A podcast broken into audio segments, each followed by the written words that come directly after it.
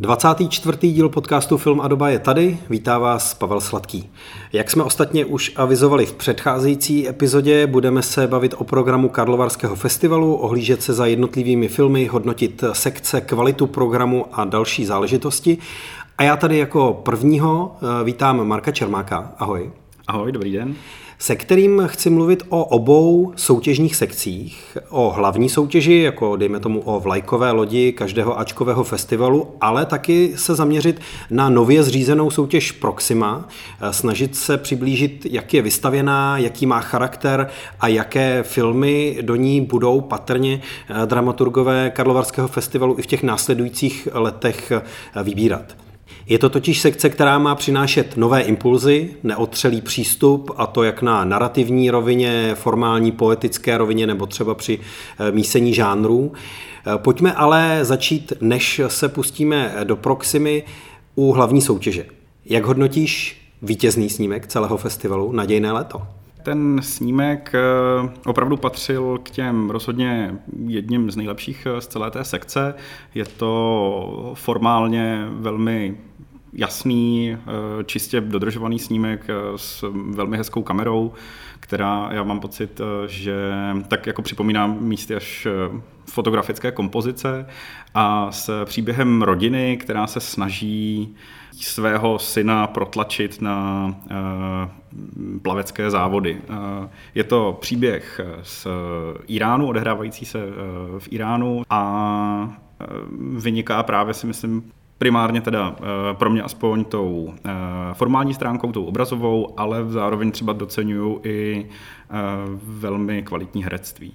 A když bych to měl vztáhnout ke zbytku té sekce, tak si myslím, že to opravdu byl snímek, který ve všech těch kategoriích, jak už té formální, té obsahové, nabízel eh, velmi vysokou laťku, což třeba jsem u některých dalších filmů z hlavní soutěže postrádal. Byť to třeba naplňovalo v jedné z těch kategorií, tak, tak ne v obou. Ocenění na Karlovarském festivalu přišlo ve dnech, kdy zároveň z dalších zahraničních festivalů, třeba z Berlinále, přišlo poukázání na to, že v Iránu jsou perzekovaní další tvůrci, konkrétně Mohamed Rasulov a jeden z jeho spolupracovníků skončili ve vězení.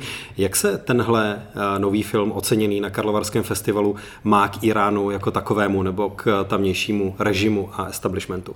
Já si myslím, že se to vlastně k režimu jako takovému nevztahuje nevztahuje nějak moc kriticky, že je to spíš jako sociálně kritický film, než, než uh, nějakým způsobem protirežimní. A je, je, ale je pravda, že to vlastně opravdu ta tisková zpráva a všechny ty informace vyšly ten stejný den, a kdy se udělovaly ty ceny, což už bylo teda asi čtyři dny po premiéře toho filmu, nebo tři dny po premiéře toho filmu a nemám pocit, že by se na to i nějak reagovalo.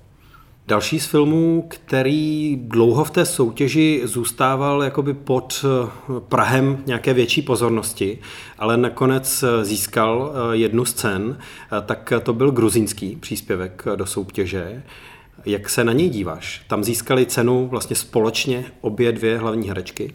Ten snímek se jmenuje Vlastní pokoj, Room of My Own, myslím, of Your Own.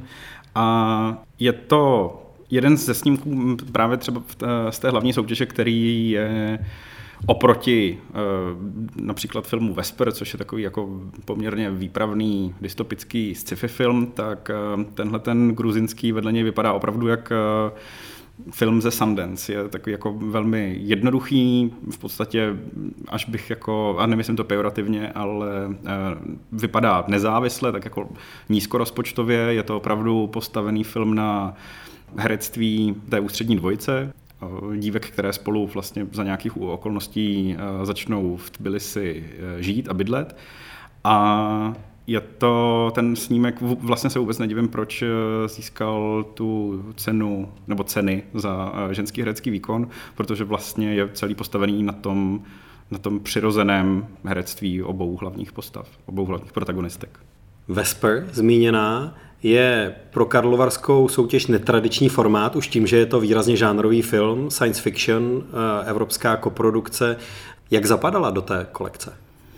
Eh, já, když jsem ten film viděl, tak jsem si vlastně hned vzpomněl na loňský ročník, ve kterém byl eh, samozřejmě co do production value rozdílný film, ale přesto něčím, přesto něčím podobný. Také to bylo diskutopické sci-fi o synovi, který žije, nežije se svým otcem a Vesper v tomhle ohledu mám pocit, že spadá spíš do té kategorie snímků, které Karlovy Vary eh, v hlavní soutěži občas eh, uvádí i tak jako trošku vykročení k tomu mainstreamovému filmu.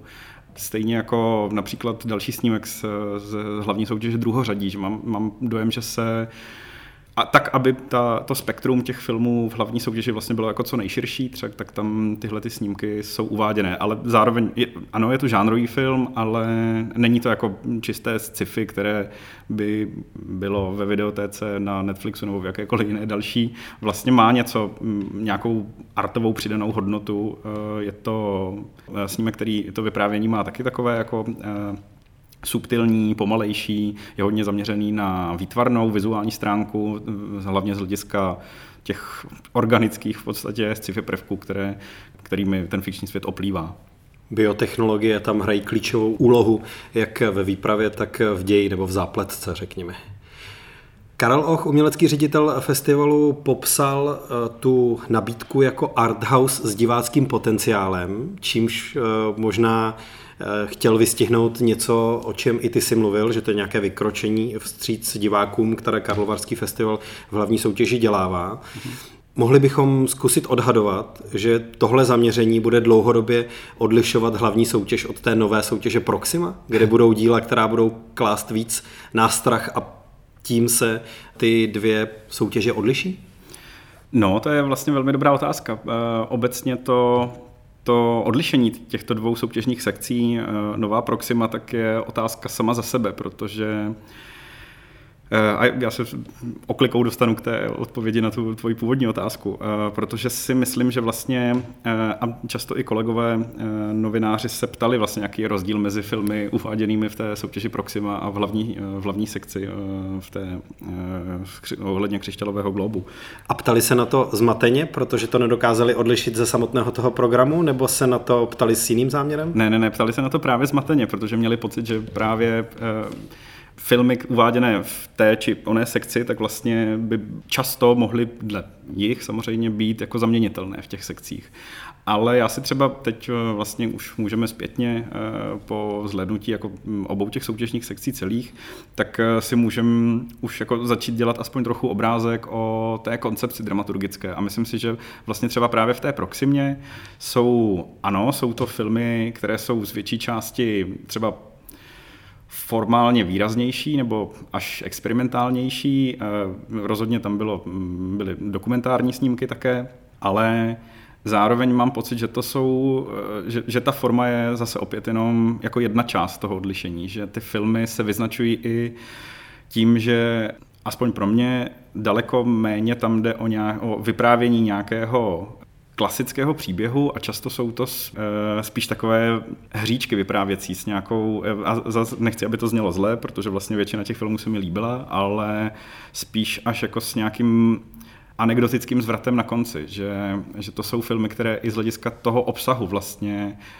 jsou experimentálnější než uh, filmy s nějakou tradiční dramaturgií uváděné v té velké, uh, v té hlavní sekci. Což si myslím, že je vlastně ten, ten uh, rozdíl aspoň primární pro mě, ale zároveň si myslím, že to teda dramaturgové Karlovarského festivalu budou ještě muset v, i možná v následujících letech nějakým způsobem ostřit to, to, to, tohle, tuhle tu hranici uh, mezi těmi dvěmi sekcemi, protože jsou si vlastně opravdu jako velmi podobné. A teď se dostávám uh, k té odpovědi na tu tvoji původní otázku, že si myslím, že tohleto vykročení k té mainstreamovosti nebo k tomu eh, divákovi tradičnějšímu se vlastně i skrz to, co jsem teďka říkal, daleko více hodí stále do té hlavní soutěže, i třeba přes, eh, když to vezmeme z hlediska těch premiérových uvedení. V tom velkém sále přece jenom tenhle, ty, tyhle ty filmy diváčtější působí lépe v sále pro 1100-1200 lidí, než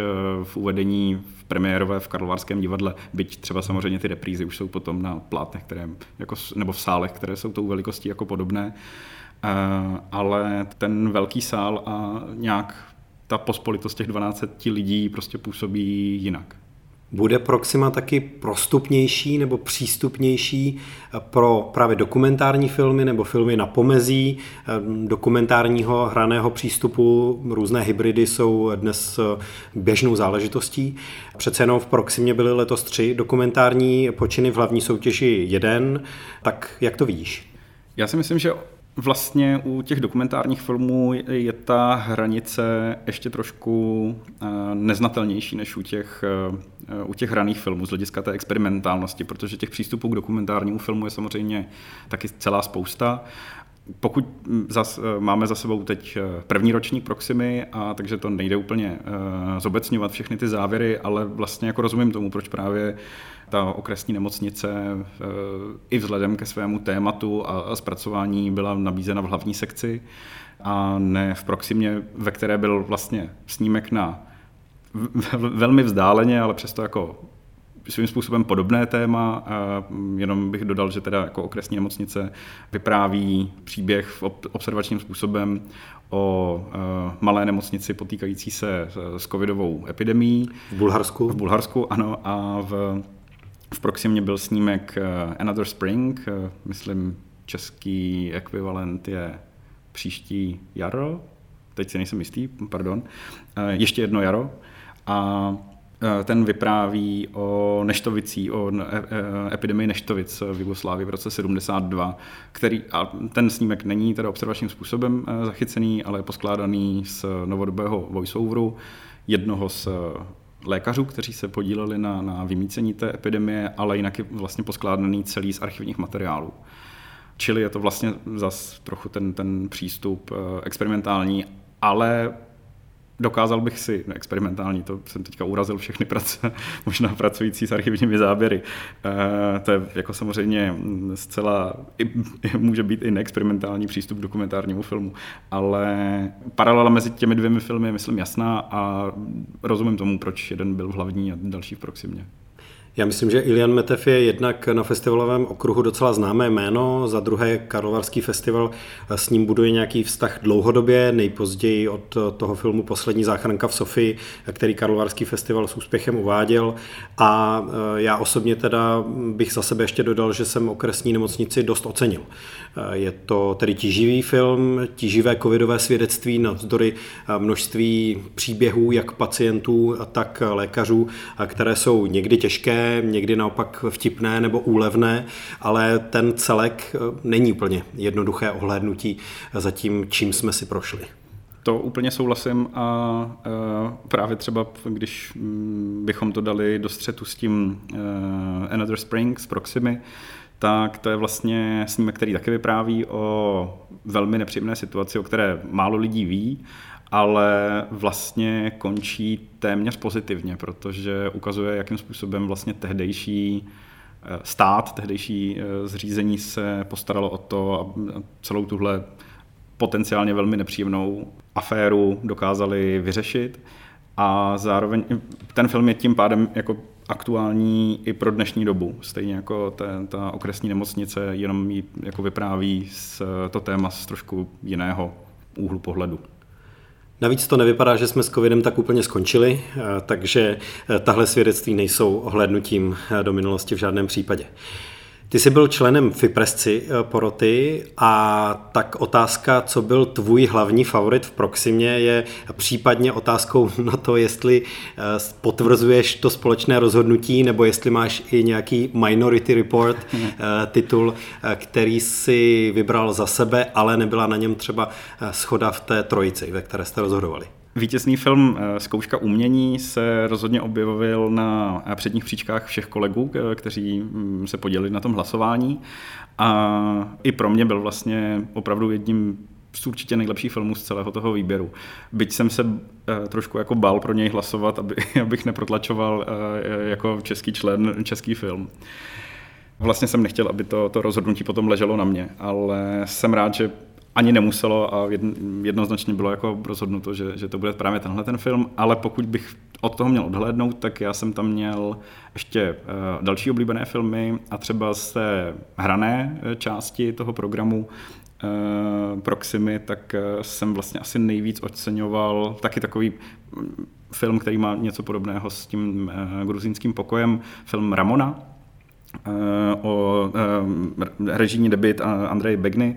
A je to snímek, který je vlastně taky svým způsobem velmi jednoduchý o jedné herečce, o, která se potlouká životem a seznámí se s režisérem, který pak obsadí do svého filmu. Je to film, který i přes to, že jakým způsobem je jednoduchý a až minimalistický, eh, tak vlastně dokáže probudit poměrně silné emoce a identifikaci k té hlavní hrdince.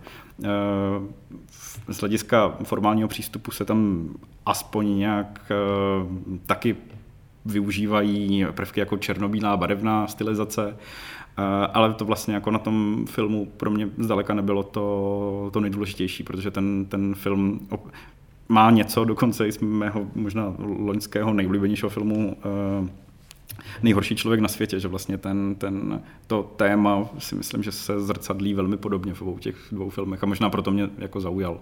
Nicméně i vlastně jako kolegové ho poměrně dost oceňovali. Získá člověk, pokud se zaměří na Karlovarském festivalu na ty hlavní soutěžní sekce, úplně jiný obrázek o té akci, než když si diváci, lajčtí, dejme tomu, eh, vyzobávají eh, populární tituly z horizontů, případně chodí na věci ve zvláštním uvedení nebo na domácí eh, tituly. Je ten obrázek o tom, jak festival funguje, co chce nabídnout a co jsou jeho priority, zásadně jiný? Já si myslím, že ano, že, že a chápu vlastně oba přístupy těch návštěvníků. Mm, já taky se vlastně na těch festivalech i na Karlových Varech, třeba právě v sekci Horizonty, snažím dohánět filmy, které jsem na těch jiných festivalech neviděl.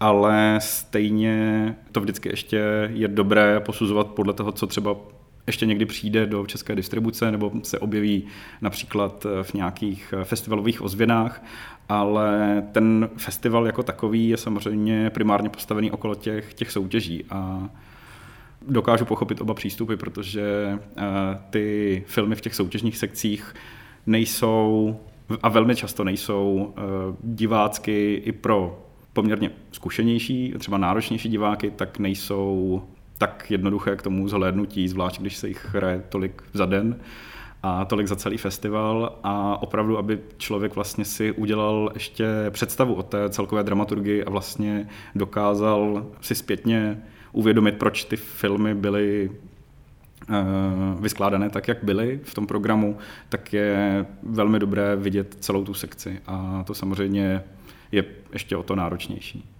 My se k některým soutěžním titulům ještě dostaneme v následujícím rozhovoru, protože teď uděláme vlastně takový předěl v podcastu Film a doba a budeme pokračovat s Michalem Křížem a Štěpánkou Ištvánkovou na téma právě titulů, které se promítaly v Horizontech, v Imagině a v dalších sekcích Karlovarského festivalu. V podcastu Film a doba teď pokračujeme s Michalem Křížem, Ahoj. A Štěpánkou Ištvánkovou. Ahoj. Ahoj. Na co jste se zaměřili, když jste si připravovali svůj program na Karlovarském festivalu? Šel jsem spíš tak napříč jednotlivými sekcemi s tím, že hm, jsem vybíral z programu soutěžních sekcí, záměrně tituly, které mě zaujaly, buď podle tvůrce nebo podle obsahu, který jsem si přečetl v katalogu. Šel jsem samozřejmě e, poměrně důsledně jsem se snažil jít do sekce Horizonty, bych viděl některé tituly, které přišly z těch velkých festivalů, z Cannes, Berlína, tam něco z Benátek z minulého roku. A, e, takže jsem si ten program sestavoval spíš takhle napříč jednotlivými sekcemi. Plus samozřejmě e, sekce Imagina, která představuje projekty, které se k běžnému českému divákovi obávám se mimo festival nedostanou. Takže to bylo další kritérium pro mě. E, to znamená, že bych se primárně vyhýbal titulům, které už víme, že přijdou do českých kin, ale řekněme, byl to jeden z aspektů, který hrál roli v tom, co jsem do programu zařadil nakonec, nebo, nebo případně nezařadil. S tím, že mi nakonec z toho širokého výběru, který se ukázalo, že není možné stihnout, co se stává na každém festivalu, vyvstálo několik linií, které, o kterých asi budeme ještě mluvit a které se v mém případě mm, vlastně vyprofilovaly a zaměřily na arabské filmy, a částečně na filmy, které byly něčím vizuálně eh, netradiční, zajímavé, provokující, alebo naopak. Moje situace je hodně podobná, eh, rozhodně se nedalo obsáhnout eh, všechno, zároveň já jsem přijela až ve středu odpoledne, takže jsem se snažila najít filmy, které rezonovaly s nějakými mými tématy a vyvinulo se z toho vlastně nejvíce sledování uh, sekce Imagina a zároveň uh, takové úplně, taková úplně nechtěná linie uh, nějakých uh, původních obyvatel Severní i Jižní Ameriky, ke kterým se určitě taky dostaneme. V čele s filmem Warpony, který byl dodaný do, pos- do programu na poslední chvíli, je to tak? Je to tak a já jsem se taky na poslední chvíli po tenhle film přihlásila. Jsem moc ráda, že jsem tak udělala, protože uh, se jedná o snímek, který uh, nejenom, že um, zarezonoval v Cannes, kde vyhrál uh, svůj debit, tím, že byl zařazený i tady, uh, tak získal nějaký nájednou nečekaný divácký ohlas. Pojednává o tématu uh, už uh, od, od svého původního uh, prostředí odtržených právě severoamerických indiánů, eh, kteří se najednou nachází v situaci, mm, která by se dala srovnat eh, s jakýmikoliv eh, kategoriemi obyvatel, ať už jsou to Romové nebo, nebo Turci, kteří jsou prostě vysídlení mez, do lokalit, které jim nejsou přirozené a nemají tak ani přirozenou provázanost eh, se svou půdou, se, eh, s věcmi, kterým věří, eh, s nějakou spiritualitou a vlastně se často uchylují k nějakému drogovému opojení. Tady už je to tematizované hodně z hlediska dalších generací, které, které se dostávají do situace, kdy jsou vychovávány ve světě, který jim rozhodně není dobrým vzorem, ani ten vzor následují, ale vlastně se tím snímkem prolíná i nějaká uh, naděje, linie toho, že se můžou navrátit zase k těm kořenům, objevit v nějaké symbolice něco, něco, co je povede eh, správnou cestou. V sekci Imagina byl v něčem podobně vyznívající film, i když pojatý formálně jinak a taky eh, s mnohem menší dávkou naděje. Snímek Eamy od paragvajské filmařky Pas Encina je vlastně takový žalospěv. Ano, je to tak. Eami vlastně znamená les i země a zároveň je to jméno protagonistky tohoto filmu, malé holčičky, která nás provází experimentálním snímkem, eh, který ne tak přímočaře, ale v nějaké symbolické rovině, v rovině velmi specifické kamery, v rovině eh, jako zvuku, eh, dává najevo, že zmizí půda, se kterou byl tento kmen spjatý a to díky deforestaci, to znamená zásahem nějakého vnějšího vlivu, eh, který oni nejsou sami schopni ovlivnit a který je spojen samozřejmě eh, s velmi jako nešetrným zásahem eh, do přirozeného prostředí té země. A ten snímek i hodně silně akcentuje vůbec dětský pohled na smrt. Takže jo, ve velmi jako symbolické rovině, ve velmi silné uh, vizuální rovině uh, dává najevo, že něco mizí a uh, Zároveň uh, se jedná o film, který uh, letos uspěl v Rotterdamu uh, z důvodu toho, že Rotterdam hodně podporuje vlastně filmy, které vznikají v koprodukci právě i, i německé Hugovou fondu a nějakých jakoby uh, právě brazilských, uh, argentinských a v tomto případě uh, i paragvajských uh, filmařů, kteří se snaží uh, vlastně rozvíjet témata, která jsou blízká opravdu jako lokálně. To dekolonizační eh, téma se objevilo v různých částech programu a v různém způsobu zpracování. EAMI byl film, eh, ze kterého lidi velmi odcházeli. Když jsem ho viděl na projekci v divadle Husovka, mohlo to být eh, částečně tím, že v divadle Husovka není moc vzduchu a částečně to taky mohlo být tou radikální filmovou formou. Já jsem viděla film v kině Drahomíra, odkud taky odcházeli. Zároveň tam ani tolik návštěvníků nedorazilo.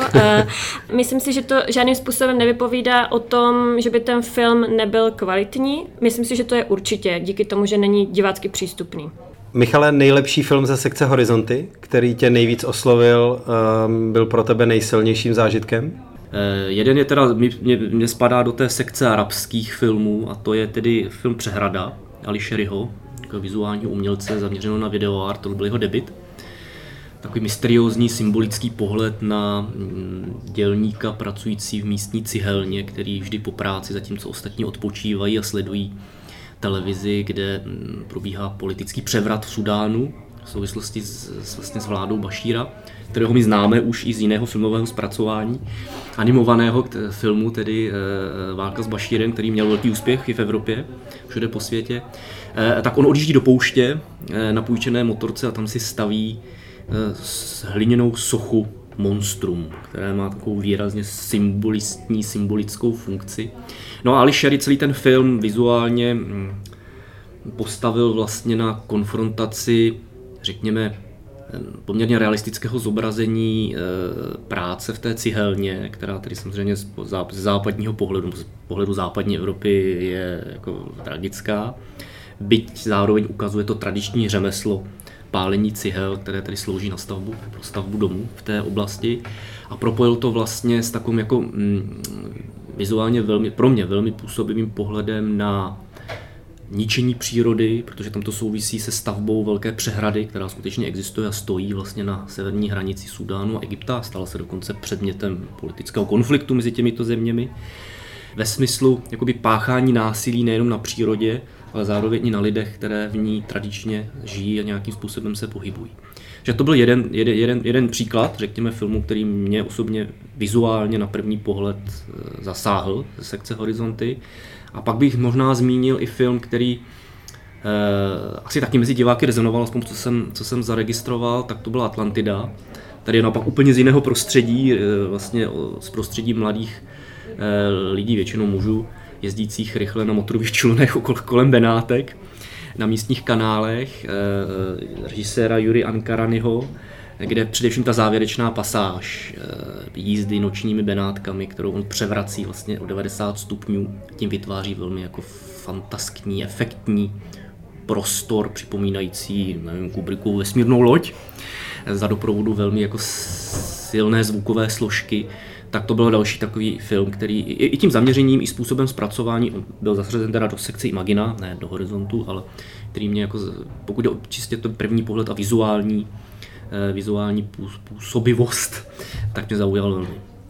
Sekce Imagina tedy minimálně v našich kruzích eh, sklidila dost pozornosti letos. Přijde mi to, že i víc než v předcházejících letech. Možná je to přítomností některých velkých režisérských men v téhle sekci, ať už byli zastoupeni krátkými nebo dlouhometrážními filmy. Štěpánko, chceš ještě k Imagině jako celku něco říct? Imagině jako celku bych asi chtěla říct hlavně poděkování, protože vždycky oceňuji, když uh, se festival drží i nějaké experimentálnější uh, linie. Co se týče těch velkých men, co zmiňuješ, tak uh, já jsem se nechala i trošku zklamat, a to v případě Radu Žudeho, kdy jsem právě navštívila jeho semiotický krátkometrážní film a myslím si, že... Že ne. Že ne. že tento film v první chvíli znamenal určitě nějaký jako milý překvapení uh, z hlediska vizuality, jelikož uh, v podstatě protagonisty toho snímku jsou dětské hračky a člověk se může tak jakoby uh, podívat na vývoj i hraček v Rumunsku, dejme tomu, nebo podívat se na opravdu jako historické hračky různého původu. Tyto hračky jsou stavěny do situací běžného života, eh, generačního vývoje, mm, válečných konfliktů, sexuálních scén a všemožných dalších eh, součástí běžného života. Ale je to film, který se vyčerpá pro mě třeba po první minutě, protože už následuje jenom eh, neustále opakování, ty samé scény v jiných, v jiných podobách a nějaký humor, který zmizí stejně tak rychle. A příjemná překvapení, nebo Překvapila mě dvojčata McClay, uh, irská dvojce uh, spíše vizuálních umělkyň, protože uh, jejich film uh, Mám v tom tělo byl hodně takovou počítačově graficky zpracovanou uh, kritikou náboženství, řekněme. Uh, nějakého i zneužívání v církvi a vůbec jako těžkých témat, které uh, byly zasazeny do velmi, velmi specifické estetiky. Uh, zároveň se tento film snažil vzdát jakékoliv identity vypravěče, která by dávala ať už jako svou intonací nebo svou, svým genderem najevo jakékoliv postavení k tomuto tématu a fungovalo to opravdu jenom jako vizualita plus titulky. Další dvojicí eh, potom eh, byli autoři filmu De Humani Corporis Fabrica, eh, film, který byl obklopený určitým očekáváním, protože obsahuje lékařské záběry z operací zevnitř těla, doprovázené v audiu komentáři lékařů, film, který na projekci, na které jsem ho viděl já, přišel Martin Horina jako dramaturg i varovat diváky a ubezpečit je, že když se u tohoto filmu nebudou cítit komfortně, takže je v pořádku odejít. Nicméně z tohohle filmu se odcházelo méně než z některých jiných v sekci Imagina nakonec.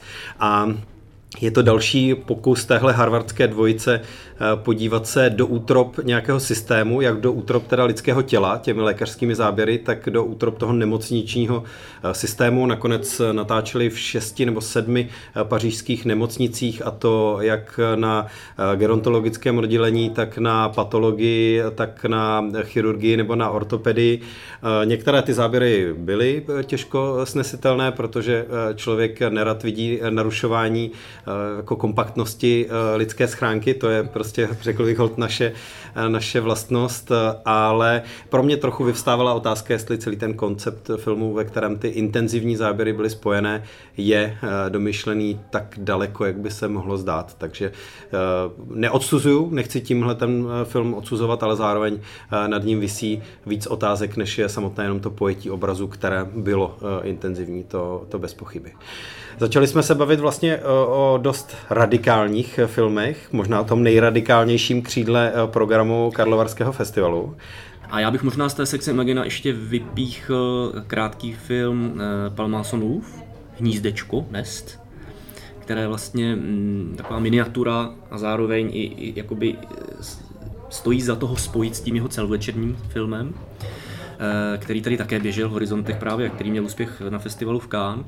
Eh, mně se možná líbil víc ten krátký, než, než ten jeho celovečerní, eh, kdy vlastně statická kamera, mimo jiné otočil na 35 mm film, tedy na klasický materiál, ještě sleduje vlastně postupnou postupnou tvorbu toho hnízdečka, což je takový domeček na kůlu, kteří tam budují tři děti ve spolupráci s rodiči a zároveň vlastně na, na pozadí tohoto budování se sledují osudy těch nejen těch tří dětí, ale i vlastně proměny eh, ročních období nebo ročního období eh, počasí na tom místě na Islandu a samozřejmě, což jakoby v, tom, v té scenérii, která to hnízdečko obklopuje na Islandu, tak je pro člověka, který tam třeba nikdy nebyl nebo, eh, nebo zná Island jenom z turistických fotografií, tak je velmi zajímavé. Taková miniatura, která navíc má velmi vtipný konec, kterou bych možná z toho programu Imaginy ještě vypíchl, i přesto, že není nějak vyloženě vizuálně ani tematicky radikální, jako byl ten příklad filmu, který si mluvil před chvílí.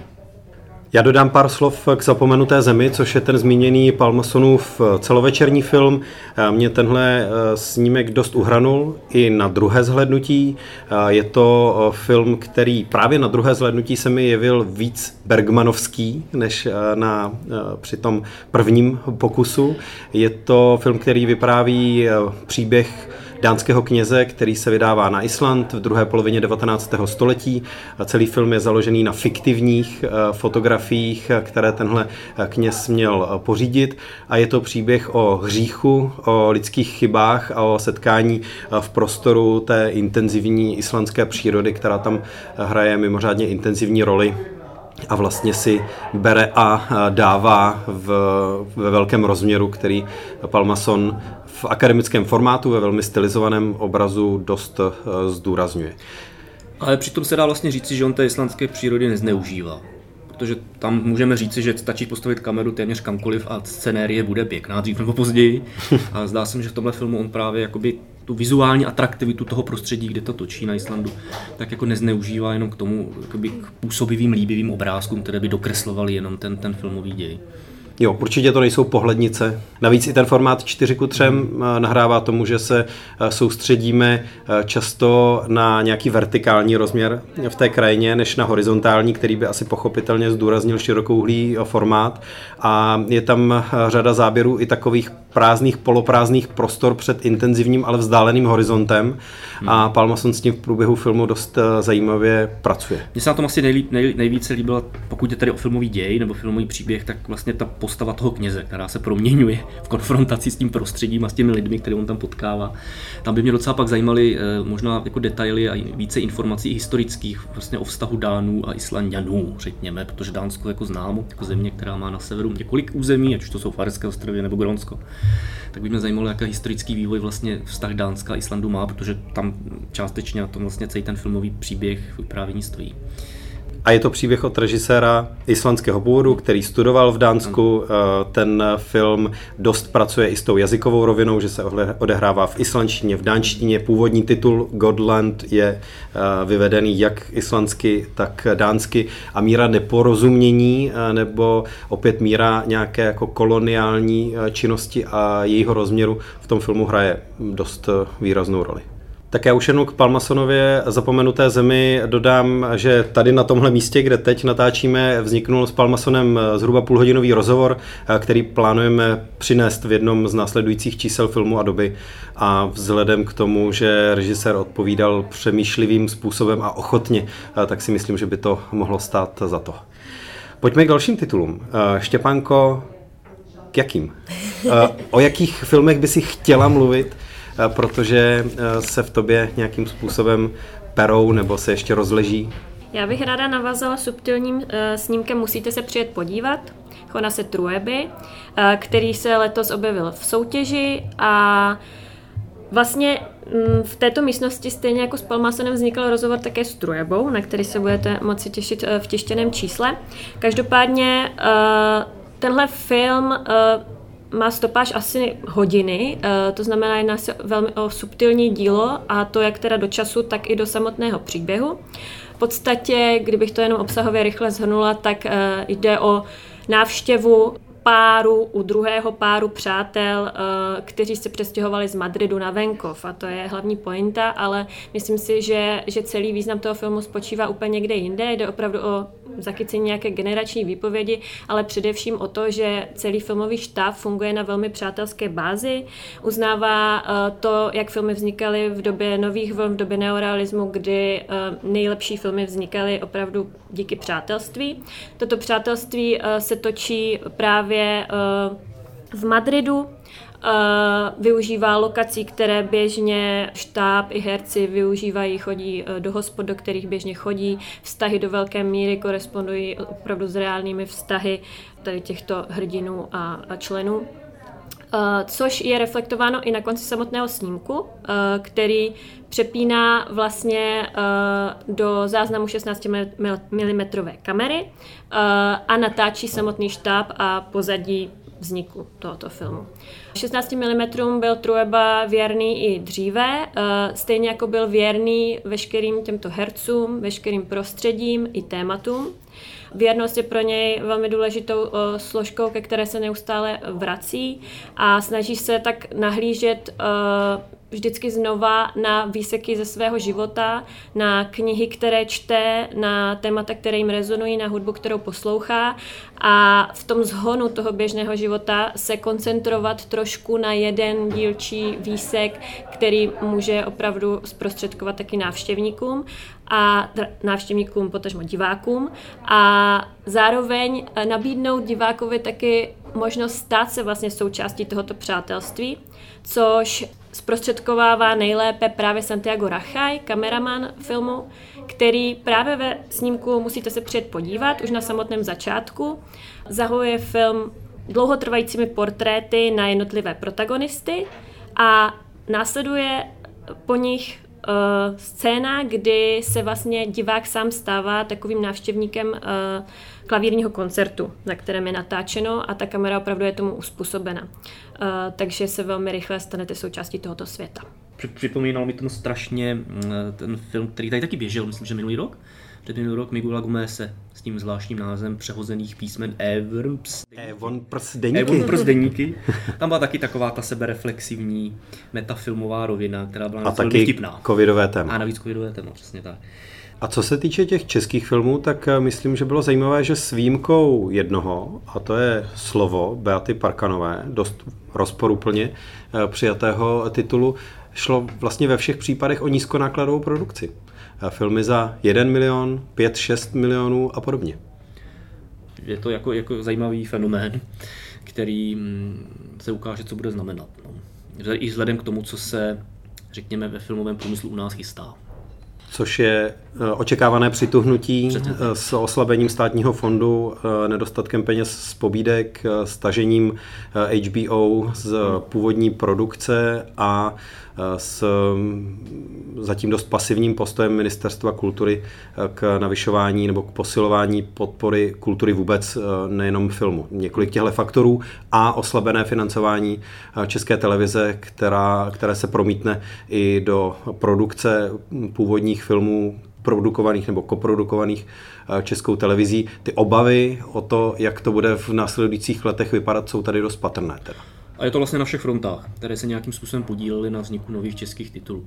Chcete na závěr vytáhnout ještě nějaký film nebo téma, které Karlovarský festival přinesl a ke kterému jsme se zatím nedostali? A vám by to bylo líto? No já bych možná zmínil ještě pár titulů z těch, jakoby z té mé linie arabských filmů. Já jsem mm-hmm. zmiňoval tu přehradu, která je jako vizuálně asi nejzajímavější eh, a která vlastně nejde divákovi vstříc Podobný film z, té, z, těch arabských filmů byl třeba Podfíkovníky, ze kterého taky mimo jiné se poměrně odcházelo, eh, protože se tam v podstatě nic neděje. Jo, jedná se o skupinu vlastně dělnic, eh, pře, převážně dělnic, nejenom dělnic, ale převážně dělnic sbírajících na poli fíky. A eh, vlastně celý, celý ta dramatičnost spočívá v jejich rozhovorech a postupném jako mm, vlastně jenom střípcích toho, co oni odhalují ze, ze svého života. Případně jenom z projevu, jakým způsobem se, jakým způsobem se chovají v sobě navzájem. To byly dva snímky, podfíkovníky a, a přehrada z těch, z těch arabských filmů, které divákovi na západnímu divákovi, co to můžu takhle říct, tak jako vstříc nešly. Pak tam byly další dva, které mě taky zaujaly a které naopak západnímu divákovi vstříc šly. E, ostatně jsou to všechno francouzské koprodukce, proto se většina z nich taky objevila na festivalu v Cannes. Jednak to byl sním, snímek Harka, e, Loftyho Natana, což je ale e, člověk žijící ve Spojených státech.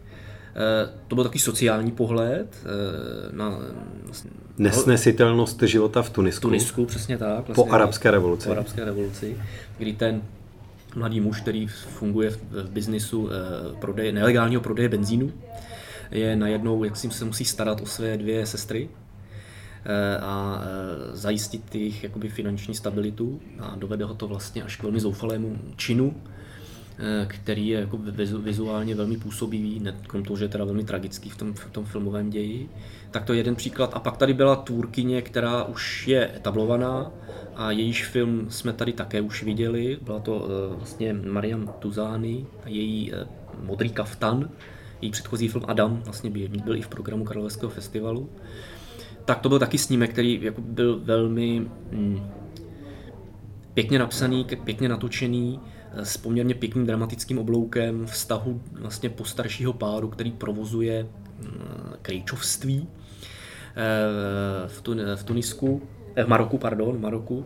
A eh, to napětí mezi nimi vlastně způsobeno tím, že ten manžel, krejčí, který vlastně zdědil to tradiční umění tvorby svatebních kaftanů od svého otce, se kterým měl velmi problematický vztah, je vlastně skrývá před svojí manželkou, která to samozřejmě leví, a společností jakoby ho svoji vlastní homosexualitu. Což bylo možná téma z mého pohledu pro celkový ten filmový děj trochu rušivé, protože tam bohatě stačilo a myslím, že to se, to se tu zány povedlo asi nejlépe zobrazit tu odcházející tradici, eh, která je tam v tomto případě spojena vlastně s oděvy a s oblékáním té tradiční marocké společnosti, kdy eh, ten velký tlak na rychlost, na cenu, šití na, šicí, na šicím stroji a ne ručně, eh, vlastně ukazuje, jak se ta i marocká společnost, která z našeho pohledu může se nám dát velmi tradičně muslimská, se vlastně mění a přibližuje se v některých aspektech té západní. Takže to, to byl motiv, který třeba mě přišel v tomhle filmu nejsilnější, i když ten film byl velmi jako vlastně evropský vystavěný. Eh, eh, a napovídá tomu i to téma homosexuality, těch skrytých emocí, které tam vlastně ta, ten hlavní postava má, eh, která je nám velmi obecně srozumitelná. No a co byste řekli k organizaci festivalu jako takového? Bavili jsme se o filmech, věnovali jsme jim naprostou většinu pozornosti, což je jádro toho, co tenhle podcast chce dělat, ale co festival jako takový? Po většinu času. Bylo velmi příjemné se právě uzavřít do kinosálu a užít si nějaké to uh, subtilní drama nebo i divácky relativně nepřístupný film. V konfrontaci s tím, co člověk často zažíval při přechodu mezi sály uh, nebo vůbec uh, ve festivalovém areálu a rozšířeném v podstatě do skoro celého centra města, což mi místy spíše připomínalo Las Vegas a nějakou jako kapitalistickou snahu veletrhovým snažením dát prostor všem partnerům a všem dalším participantům, kteří si zde otevřeli své stánky a často nedávali návštěvníkům moc prostor k nějakému přívětivému uh, užití si té samotné atmosféry. Nejsme elitáři, nejsme zaměření na filmy a proto nás rozčiluje ten cirkus okolo, který ale zase přitahuje nějakou společenskou eh, pozornost, který nabízí nějaké vyžití místním lidem, které třeba ty filmy samotné, zvlášť ty náročné, tolik nemusí zajímat, ale chtějí se účastnit eh, toho společného života, chtějí se tady eh, setkávat a nejenom dumat nad náročnými filmy, které my máme rádi? Do nějaké míry určitě ale myslím si, že i taková věc uh, se dá udělat um, trošku klidnější formou, která nabídne prostor třeba pro odpočinek, protože ten mi ten venkovní prostor vlastně vůbec nenabízel. Ten odpočinek může být přívětivý i pro úplně běžného diváka, místního obyvatele a kohokoliv jiného.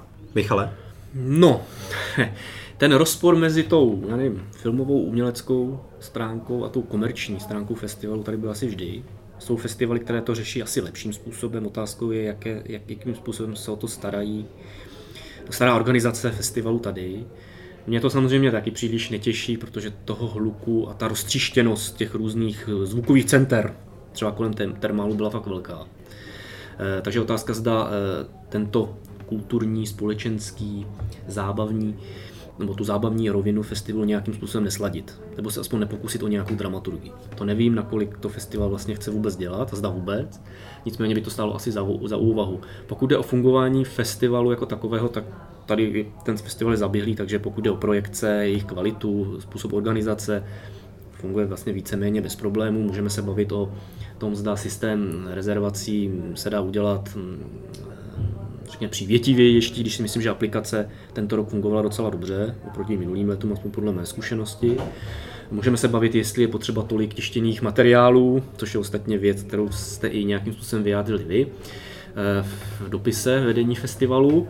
Eh, můžeme se bavit taky o tom, jestli některé ty koncepty, které jsou spojeny s fungováním festivalu, už nejsou trochu přežité a zda by tady nestálo za úvahu je nějakým způsobem inovovat, případně úplně zrušit a předělat, jako jsou třeba festivalové znělky, jako je třeba úvodní večer, Eh, opening ceremony, která nějakým způsobem uvádí vlastně oficiálně všechny účastníky do festivalu, případně závěrečný večer, ale to je vždycky problematika, která má poměrně hodně vstupů a i hodně výstupů. Takže z mého pohledu eh, bylo by asi fajn, kdyby se festival, pokud vůbec tu ambici má, zamyslel trochu nad dramaturgií toho okolí. Oni to udělali, máme tady nový Quiff Park červený, architektonicky hodnocený velmi pozitivně, aspoň co jsem se dočetl já. Vedle termálu, z mého pohledu je to zase jenom centrum jako hluku a, a, a bezbřehé zábavy. Ne, ne, že bych něco měl proti bezbřehé zábavě, ale, ale, ale s festivalem vlastně vůbec nesouvisí primárně. No, on se probíhá i mm, relativně funkční off-program nebo nějaké diskuze meet and greet s tvůrci, které ale často stroskotají právě na tom, že ten prostor samotný je velmi jako propustný a, a chodí zde právě řada návštěvníků, kteří absolutně jakoby nevnímají tu věc, která se tam v tu chvíli děje a spíše vytváří právě hluk. Michal Kříž odkázal na dopis, který jsme adresovali festivalu v 15 lidech, podepsaný mimo jiné Štěpánkou a mnou, který upozornil na to, že jsme zklamaní z toho, že festival vůbec neřeší na žádné rovině svůj environmentální dopad. Minimální péče o to bezprostřední okolí, o které jste před chvílí mluvili, se promítá i do nulové péče o prostředí vůbec žádné třídění odpadu, žádná eh, redukce jednorázových eh, materiálů, eh, žádné environmentální projekty a nic podobného. Já bych festivalu určitě přála, aby vzal svou tradici, která je velmi hodnotná a dokázal je doplnit o nové vlivy, které prosakují z filmu, které uvádí a vzal si jako příklad. Štěpánka Ištvánková, děkuju. Taky děkuju. A Michal Kříž, díky. Děkuju.